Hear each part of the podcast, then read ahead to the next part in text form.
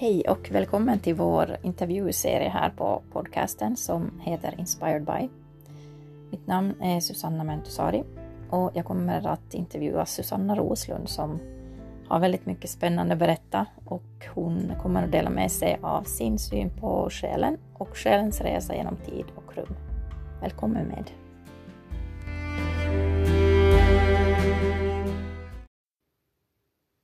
Hej!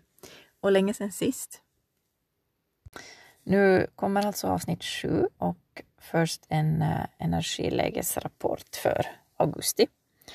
Sen berättar Susanna mer om läkeväxter och uh, gammal kunskap i Mexiko där hon bor. Uh, plus lite mera om uh, sjukdomens språk och till exempel artros, hur den uppstår och kan läkas. Hej igen alla! Hur är det med er? Hur är det med er? Uh, jag själv har ju varit frånvarande ett bra tag. Och uh, ja, det beror helt enkelt på tidsbrist. Jag har väldigt mycket jobb för tillfället och det tar sin lilla tid. Även det här, även om ni inte kan tro det. Men nu, nu är jag tillbaka och det känns väldigt, väldigt bra. Jag tänkte, jag tänkte att vi ska börja med en liten energirapport eftersom vi befinner oss i en sån speciell tid. Och många av er kanske undrar vad som pågår och varför ni känner er just så som ni gör just nu. Så låt se. Uh, vi befinner ju oss alla i en process där vår planet håller på att stiga i vibration och genom denna ökade vibration kommer ju då ökad medvetenhet. Detta kan vi ju redan se, det syns ju redan att allt fler individer på vår jord börjar se och, och vara lyhörda för saker som de bara för några år sedan aldrig skulle ha märkt ens en gång. Bara ett relativt litet antal människor på vår jord har ju haft en sant eh, vaken medvetenhet sedan länge. Men nu, nu kan vi plötsligt även i mainstream media se program som behandlar teman som medvetenhet, andra dimensioner, tidigare liv etc. Vilket bara för några år sedan ju hade varit helt otänkbart. Helt otänkbart.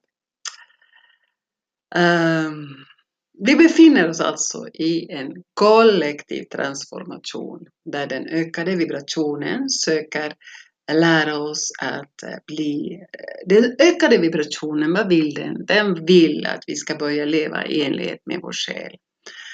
Och eh, den söker lära oss att bli lyhörda för vår energi, bli uppmärksamma på vad, mm, vad vi ger den till.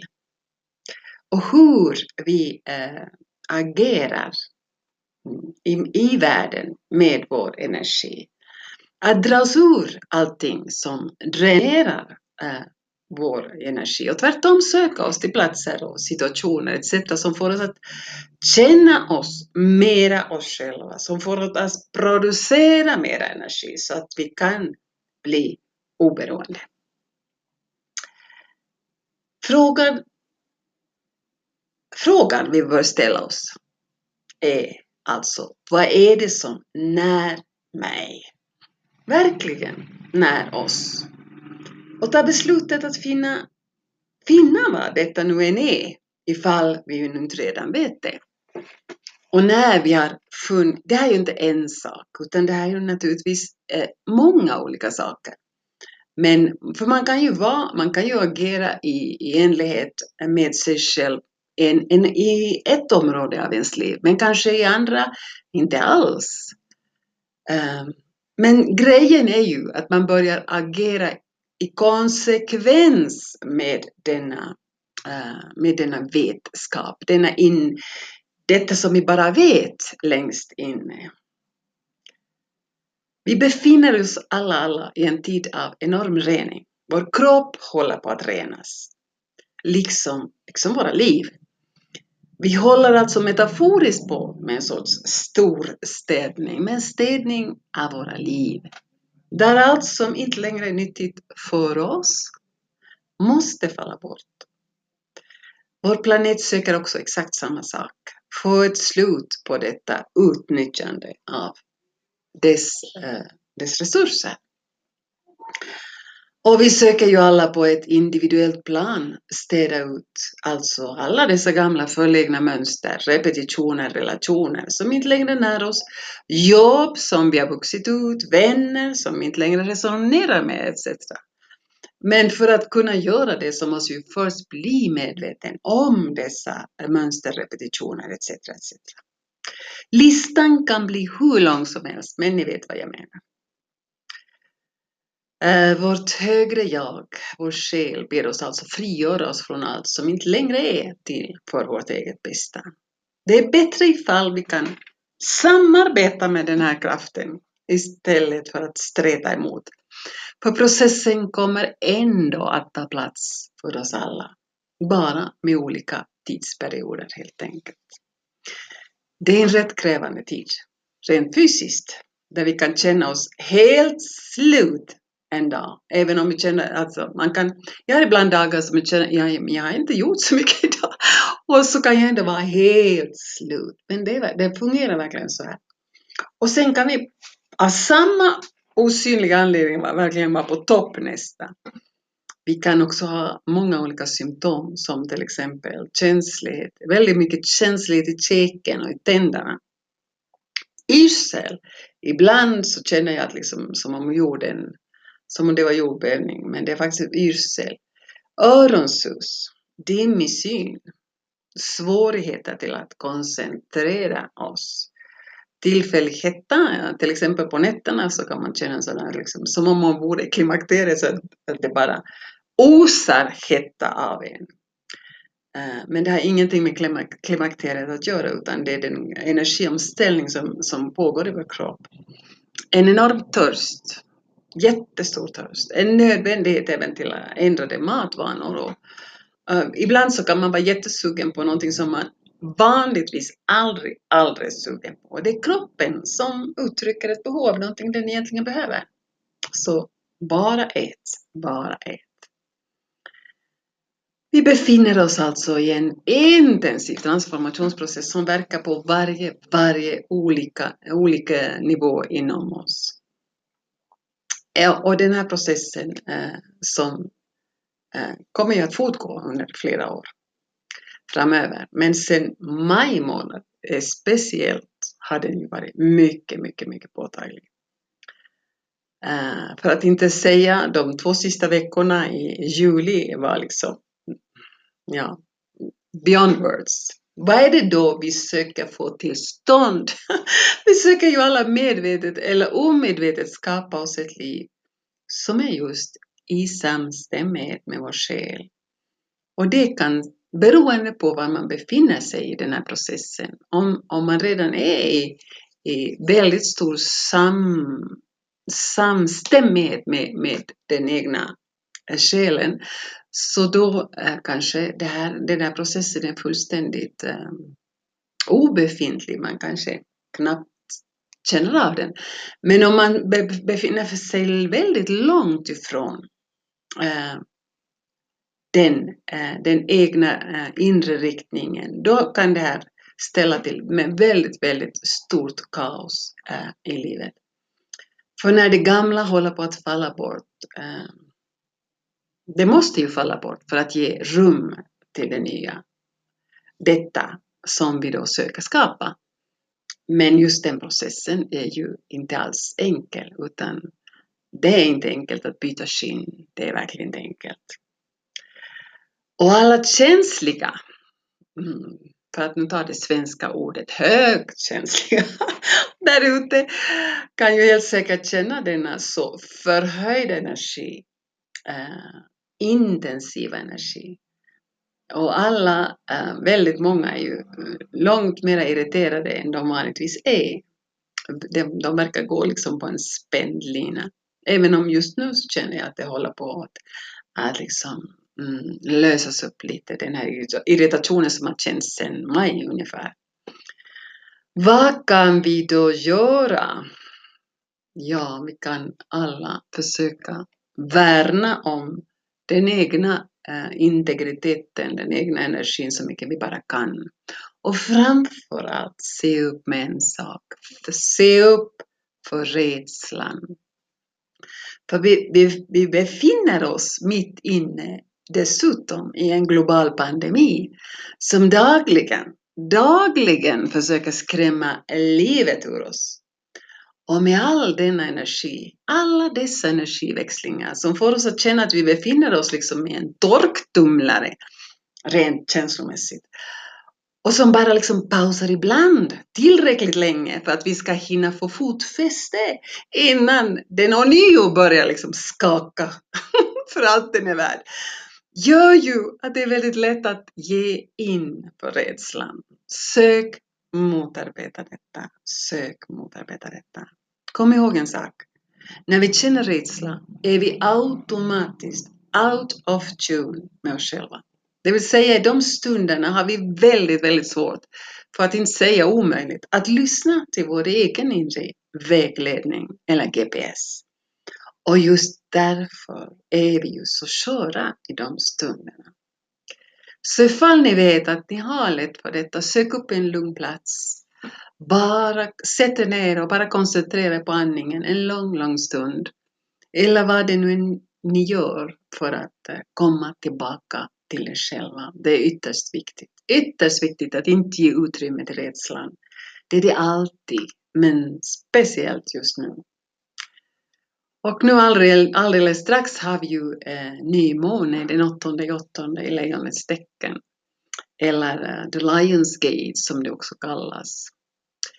Eh, det firas varje år detta eftersom eh, det kommer in vi har liksom extra hjälp skulle man kunna säga eh, från universum till att, till att förverkliga detta vi vill förverkliga.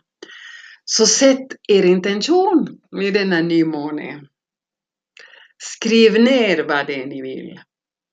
Och be kosmos, era guider, änglar, vad det nu är ni, ni kallar på, om hjälp till att föda detta nya, vad det nu än är som ni önskar skapa där ute i den yttre verkligheten.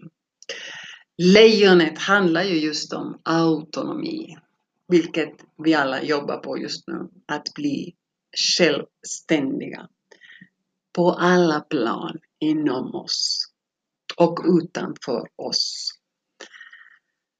Och lejonet handlar ju just om det, att veta vem man är att vara stolt över detta, vad det nu än är man är. Har ni tänkt på hur ett lejon går? Det strövar ju över savannen med absolut säkerhet. Denna säkerhet som vi alla vill känna.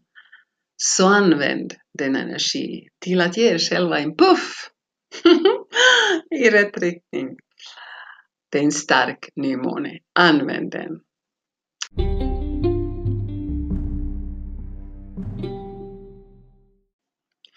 Detta om energin. Nu befinner jag mig audio i Mexiko och sitter i en helt annan realitet helt plötsligt. Kan ni kanske höra kolibrierna som surrar runt här, med, här där jag sitter eller surret av syrsorna? Vart ställer jag ju sina omisskännliga ljud, specifika musik och varma klimat har turen att benådas med otaliga och väldigt, väldigt högljudda syrsor. Tänka sig att syrsor betraktas som en ohyra, vad är vara nu hur det vill med detta. Det är hur som helst mina favoritspel, men helt klart. I morse började jag dagen med att rosta nyskördat kaffe. Doften av rostat kaffe som genomsyrar luften. Det är väl bara helt oemotståndligt. Det finns några få dofter jag bara inte kan motstå. Nygjort kaffe, nyklippt gräs, doft av fuktig jord eller efter ett efterlängtat regn och doften av solvarma stigar inne i en tät skog den där doften av granbarr som knarrar under fötterna när man beträder stigen. Eller doften av kaprifol som slingrar sig in i näsborren, kittlar sinnena. allt det riktigt minnesvärda i ett liv är ju ofta de enklaste av upplevelser, eller hur? Åtminstone för mig är de förknippade med ensamhet och natur. Verkar som om man bara är riktigt är mottaglig för det sublima när man är ensam. Sinnena är mer mottagliga i denna frånvaro av sällskap. Det är ju omöjligt att lyssna till sig själv om man inte är riktigt ensam och riktigt stilla. Detta om energin. Som sagt, nu befinner jag mig ånyo i Mexiko, i detta så utpräglat shamanistiska land och även om shamanismen är en uråldrig kunskap som för några hundra år sedan var levande överallt på vår jord så har ju tyvärr civilisationen lyckats ta koll på det i de allra flesta samhällen, men inte här. Turligt nog. Här har kunskapen lyckats hålla sig vid liv trots många, många försök, inte minst från religionens sida, att kväva den. Och till den traditionen hör ju en gedigen kunskap om växter och deras läkande egenskaper som alla shamaner använder sig av. Eh, och jag ville berätta lite om denna fantastiska läketradition som fortfarande är högst levande här. Över hela vår värld hade vi ju en gång i tiden fortfarande tillgång till kunskapen med stort K det vill säga människan var fortfarande öppen för denna kommunikation med alltet, även om inte alla ens då förmådde lyssna till denna inre vägledning. Men det här var ju ohyggligt länge sedan. ohyggligt länge sedan. Och i takt med civilisationens uh, intåg blev vi människor mer och mer bofasta och befolkningen mer koncentrerad, desto mer makt gavs ju till det materiella, den fysiska aspekten och desto mer separerade från källan blev vi. Ändå, ändå levde vår kunskap om naturen som vår naturliga bundsförvant kvar väldigt, väldigt länge och även i Norden hade vi eh, ännu för bara några hundra år tillbaka ett relativt levande läketradition. Men desto rationellare vi blev, desto större blev ju vår misstro för det som våra förfäder visste och praktiserade. Och så småningom så tog ju äh, läkemedelsindustrin helt över och fick oss att tro att de och blott det hade svar på våra frågor och blott deras preparat kunde äh, läka oss. Men eh, det här skedde ju främst i den mest materiellt utvecklade delen av världen. I de fattigare delarna har man eh, eh, ofta hade och har man ofta inte tillgång till medicin i olika utsträckning, vilket har sina stora nackdelar men även fördelar. Det är naturligtvis en välsignelse att vi eh, via forskning kunnat utrota många sjukdomar, men som alltid när det skapas obalans i ett system så har ju den här rationella synen tagit över hela vårt sjukvårdssystem.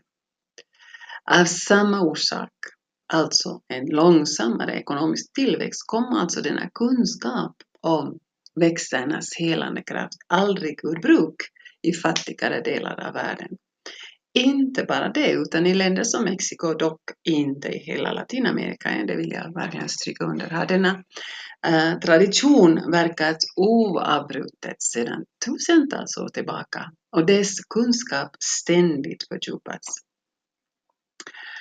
Eh, vilket ger som resultat att i dagens Mexiko har man tillgång till naturens apotek som ingen har monopol på, som säljs i alla eh, Mercados marknader över hela landet.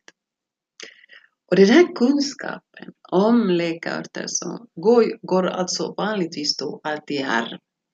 Det vill säga den kunskap som överförs från generation till generation och som visar sig vara uppseendeväckande effektiv eh, som åtminstone för en nordbo som fått lära sig att blott det som apoteket säljer mm, är riktigt effektivt.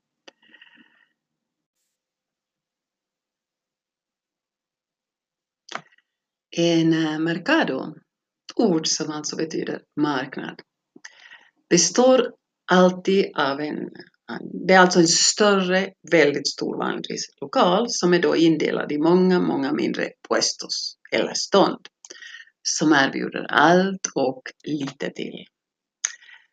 Eh, det är en helt fantastisk institution faktiskt. Åtminstone från min, min synvinkel. Jag tycker alltid det är lika intressant att gå in i, i en av dessa. Som tack och lov också, alltså de finns överallt. De finns hur många som helst finns. De finns i var, varje kvarter i princip. Men det finns inte så liten by som inte har en Mercado alltså. Här i dessa, i dessa institutioner kan man då alltså inhandla i princip allt man kan behöva under ett liv. Vilket innebär alltså allting från grisfötter, tjurtestiklar, alla former av kött, inälvor, korv etc. Insektsmedel för små stora kryp. Skor, kläder, hinkar, korgar, krukor, chile i alla varianter. Ni kan bara tänka. Blommor, blommor, blommor i överflöd. Uh, eh, och till och med enklare restauranger, typ uh, Comida Corrida finns där inne. Och naturligtvis färsk frukt och grönsaker i alla färger och former. Och alltid, alltid nyskördad. Men en av mina absoluta favoriter i dessa mercados är dock alltså örtförsäljarna eller jerberos som de kallas lokalt, och som alltid då finns närvarande eh, i en mercado. Mitt allra första möte med denna kunskap ska jag berätta om nu, för jag tyckte det var så, uh, det är så sägande. Och det här kom när jag var precis nyanländ till landet och fortfarande inte pratade någon spanska alls. Jag hade då eh, ånyo drabbats av urinvägsinfektion som, som var en åkomma jag hade väldigt, väldigt lätt att dra på mig och som fanns i min, mitt eget familjeträd. Mm, det var alltså eh, någonting som jag ärvt. Uh, och uh, jag hade som sagt bara befunnit mig några månader i landet. Mm. Jag hade ånyo satt mig på någonting kallt och dragit på mig åkomman igen. Och mot detta fick jag alltid en penicillinkur i Norden som naturligtvis bara botade det här tillfälligt och som bara försvagade mitt immunförsvar för varenda gång. Vilket ledde, som ni vet, till en ständig, ständig cirkelgång av åkomman. Nu kände jag ingen läkare så jag frågade en bekant som var född i landet vad göra? Alla som någon, någon gång har, har drabbats av detta vet hur oerhört obehagligt det är. Alltså oerhört obehagligt. Och eh, min bekant sa att hon, hon, hon, hon ansåg att jag skulle ge mig till Mercadon och, eh, och tala med Los Jerberos, det vill säga dessa örtförsäljare. Nåja, sagt och gjort. Jag beger mig alltså till Mercadon, letar mig fram till en, deras lokal och med min hackande, mycket hackande spanska börjar jag då förklara vad jag behöver. Och det tar ju en ganska lång stund för att lyckas reda ut de begreppen. Eh, men plötsligt så lyser försäljaren upp och säger Ja, jag ser, kolla det caballo! Och så börjar han leta och så letar han bland ett överflöd av påsar och flaskor. Alltså de här, de här stånden är alltså överfulla av, av grejer. Alla påsarna är fulla med olika saker som man inte har en aning om vad det finns. Och till slut så drar han då fram en stor, stor säck full med en torkad växt som är så ut som långa sugrör.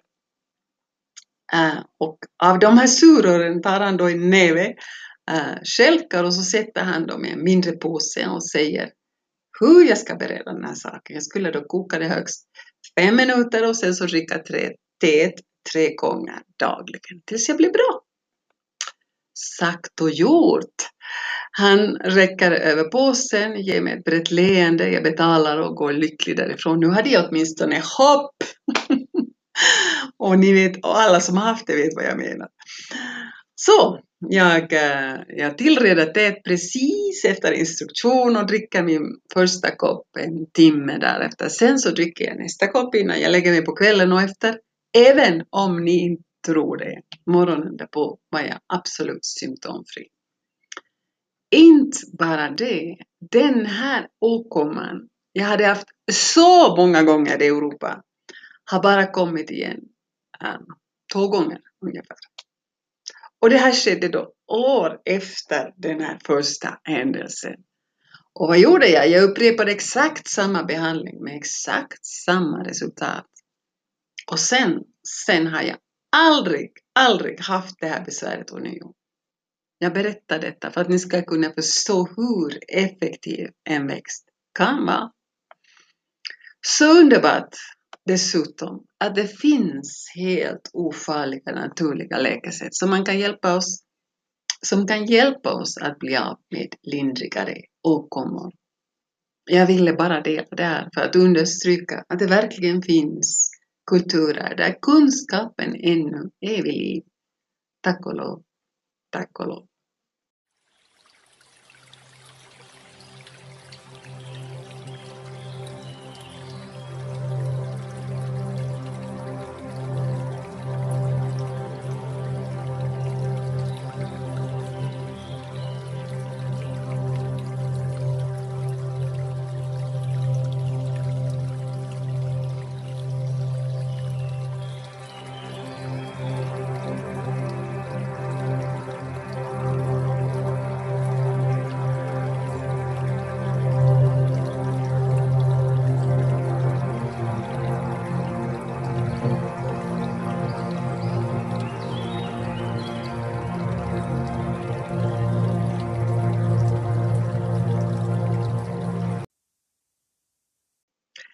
Men för att återgå till ämnet sjukdom som språk så vill jag ta och prata lite om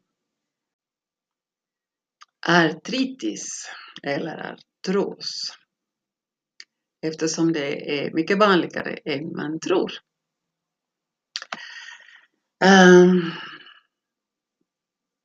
artritis eller artros, det, det, finns väldigt många olika uttryck av det här men alla har de samma kärnbetydelse. Det handlar ju om, alltså på symbolnivå, så handlar det här alltid om inflexibilitet inför en situation och eller en inre självkritik. Reuma, som det kallas ifall man har det på många ställen i kroppen, är ju en inflammation som kan påverka såväl benstruktur, leder, senor samt muskler. Det uttrycker sig då som stelhet i leder och muskler med påföljande smärta och en åkomma som sakta tunnar ut brosket och som åsamkar de här symptomen, alltså smärta. Och en allt mindre rörlighet i leden eller muskel. På metaforiskt plan är ju våra artikulationer förknippade till böjlighet, förmåga till rörelse rörelsen som skapar liv, som för oss framåt. Men låt oss titta lite på hur en sjukdom organiserar sig. Alla fungerar i två faser. Den första fasen är en fas av stress och den andra är den påverkade vävnaden som söker återta sin ursprungliga form. Den söker alltså reparera sig själv. När det gäller muskler, leder etc., de delar som kan vara påverkade av artros uttrycker sig den här första fasen, stressfasen, genom minskad cellproduktion. Ifall vi producerar mindre celler, till exempel i benstrukturen, så kallas det här då för osteoporosis. Ifall detsamma händer i en muskel så kallar vi det här då för artros. I alla situationer en människa går igenom en situation av nedvärdering som är förknippat till någonting man borde åstadkomma och personen känner att man inte kommer att kunna genomföra det här. Då, då kommer någon del av benstrukturen att bli påverkad negativt, det vill säga det känner stress. Och den del av strukturen som utvecklar stressen kommer då alltså uppvisa en cellförminskning. När en människa känner stress inför en situation som är en övermäktig kommer man att utveckla symptom som är då direkt relaterade till den här uppgiften. I reparationsfasen kommer alltid då en inflammation in i bilden och det är i det här momentet som smärtan uppstår. Och i det ögonblicket eh, går vi då alltså in i en ondskefull cirkel, ty på nytt så känner man stress och in, inför omöjligheten att utföra sagda rörelse och ånyo känner vi då samma nedvärdering. Vi känner oss oförmögna att åstadkomma en viss sak. Men inflammationen har ju ett syfte. Den vill undvika att nedbrytningen av vävnaden fortsätter. Den vill alltså reparera. Så istället för att känna stress så borde vi förstå processen, att ge kroppen vila, rättföra, koncentrera oss på någonting annat än symptomen. Samtidigt som vi också bör eliminera stressens orsak, det vill säga förstå vad i vårt liv som orsakar detta symptom. Vid autoimmuna sjukdomar så finns det alltså ofta en, ett starkt, starkt element av skuldkänslor. En känsla av impotens och en stark självkritik. Som naturligtvis då leder till nedvärdering. Vårt omedvetna mottar alltså signalen att vi är vår egen värsta fiende.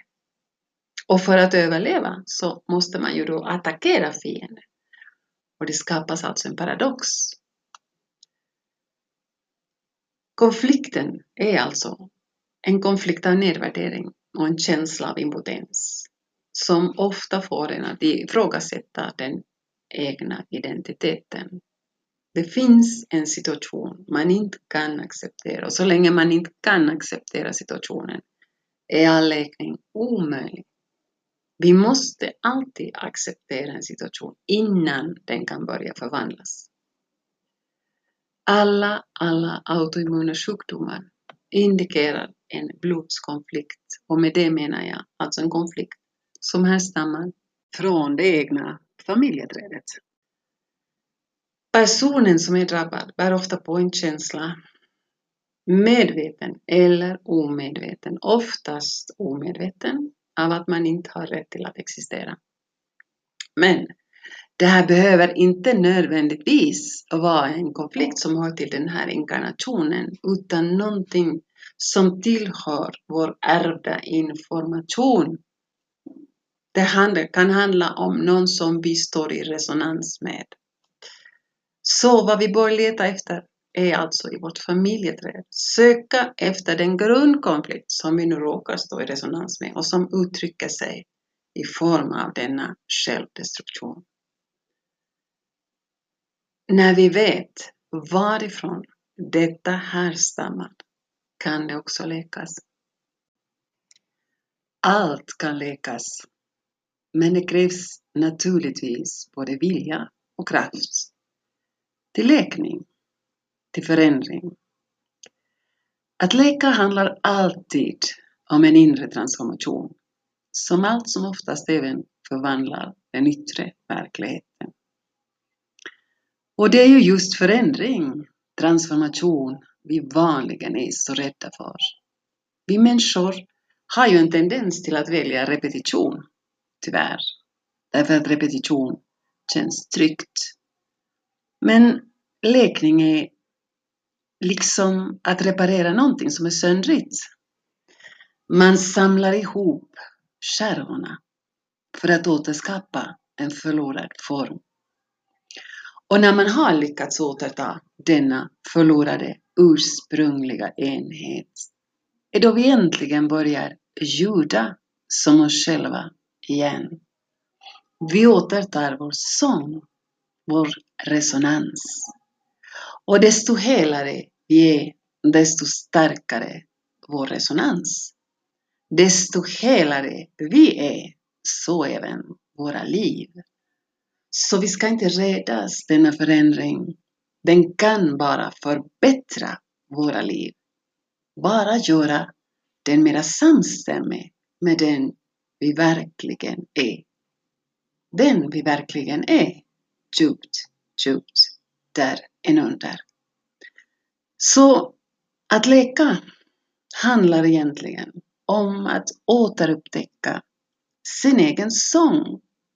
Den där som vi under många, många livs alla piruetter tenderar att förlora. Eller åtminstone att glömma orden till. Okej? Okay? Tror att med det här får det räcka för den här gången. Uh, hoppas att, uh, att jag har tid att snart vara tillbaks. Jag önskar i vilket fall som helst så önskar jag er alla en underbar augusti och, eh, och vad heter det, ta vara på nymånen. Den kommer med en fantastiskt vacker kraft den, denna augusti. Okej? Okay? Ha det så bra alla och eh, sköt om er och på återhörande. Hej då!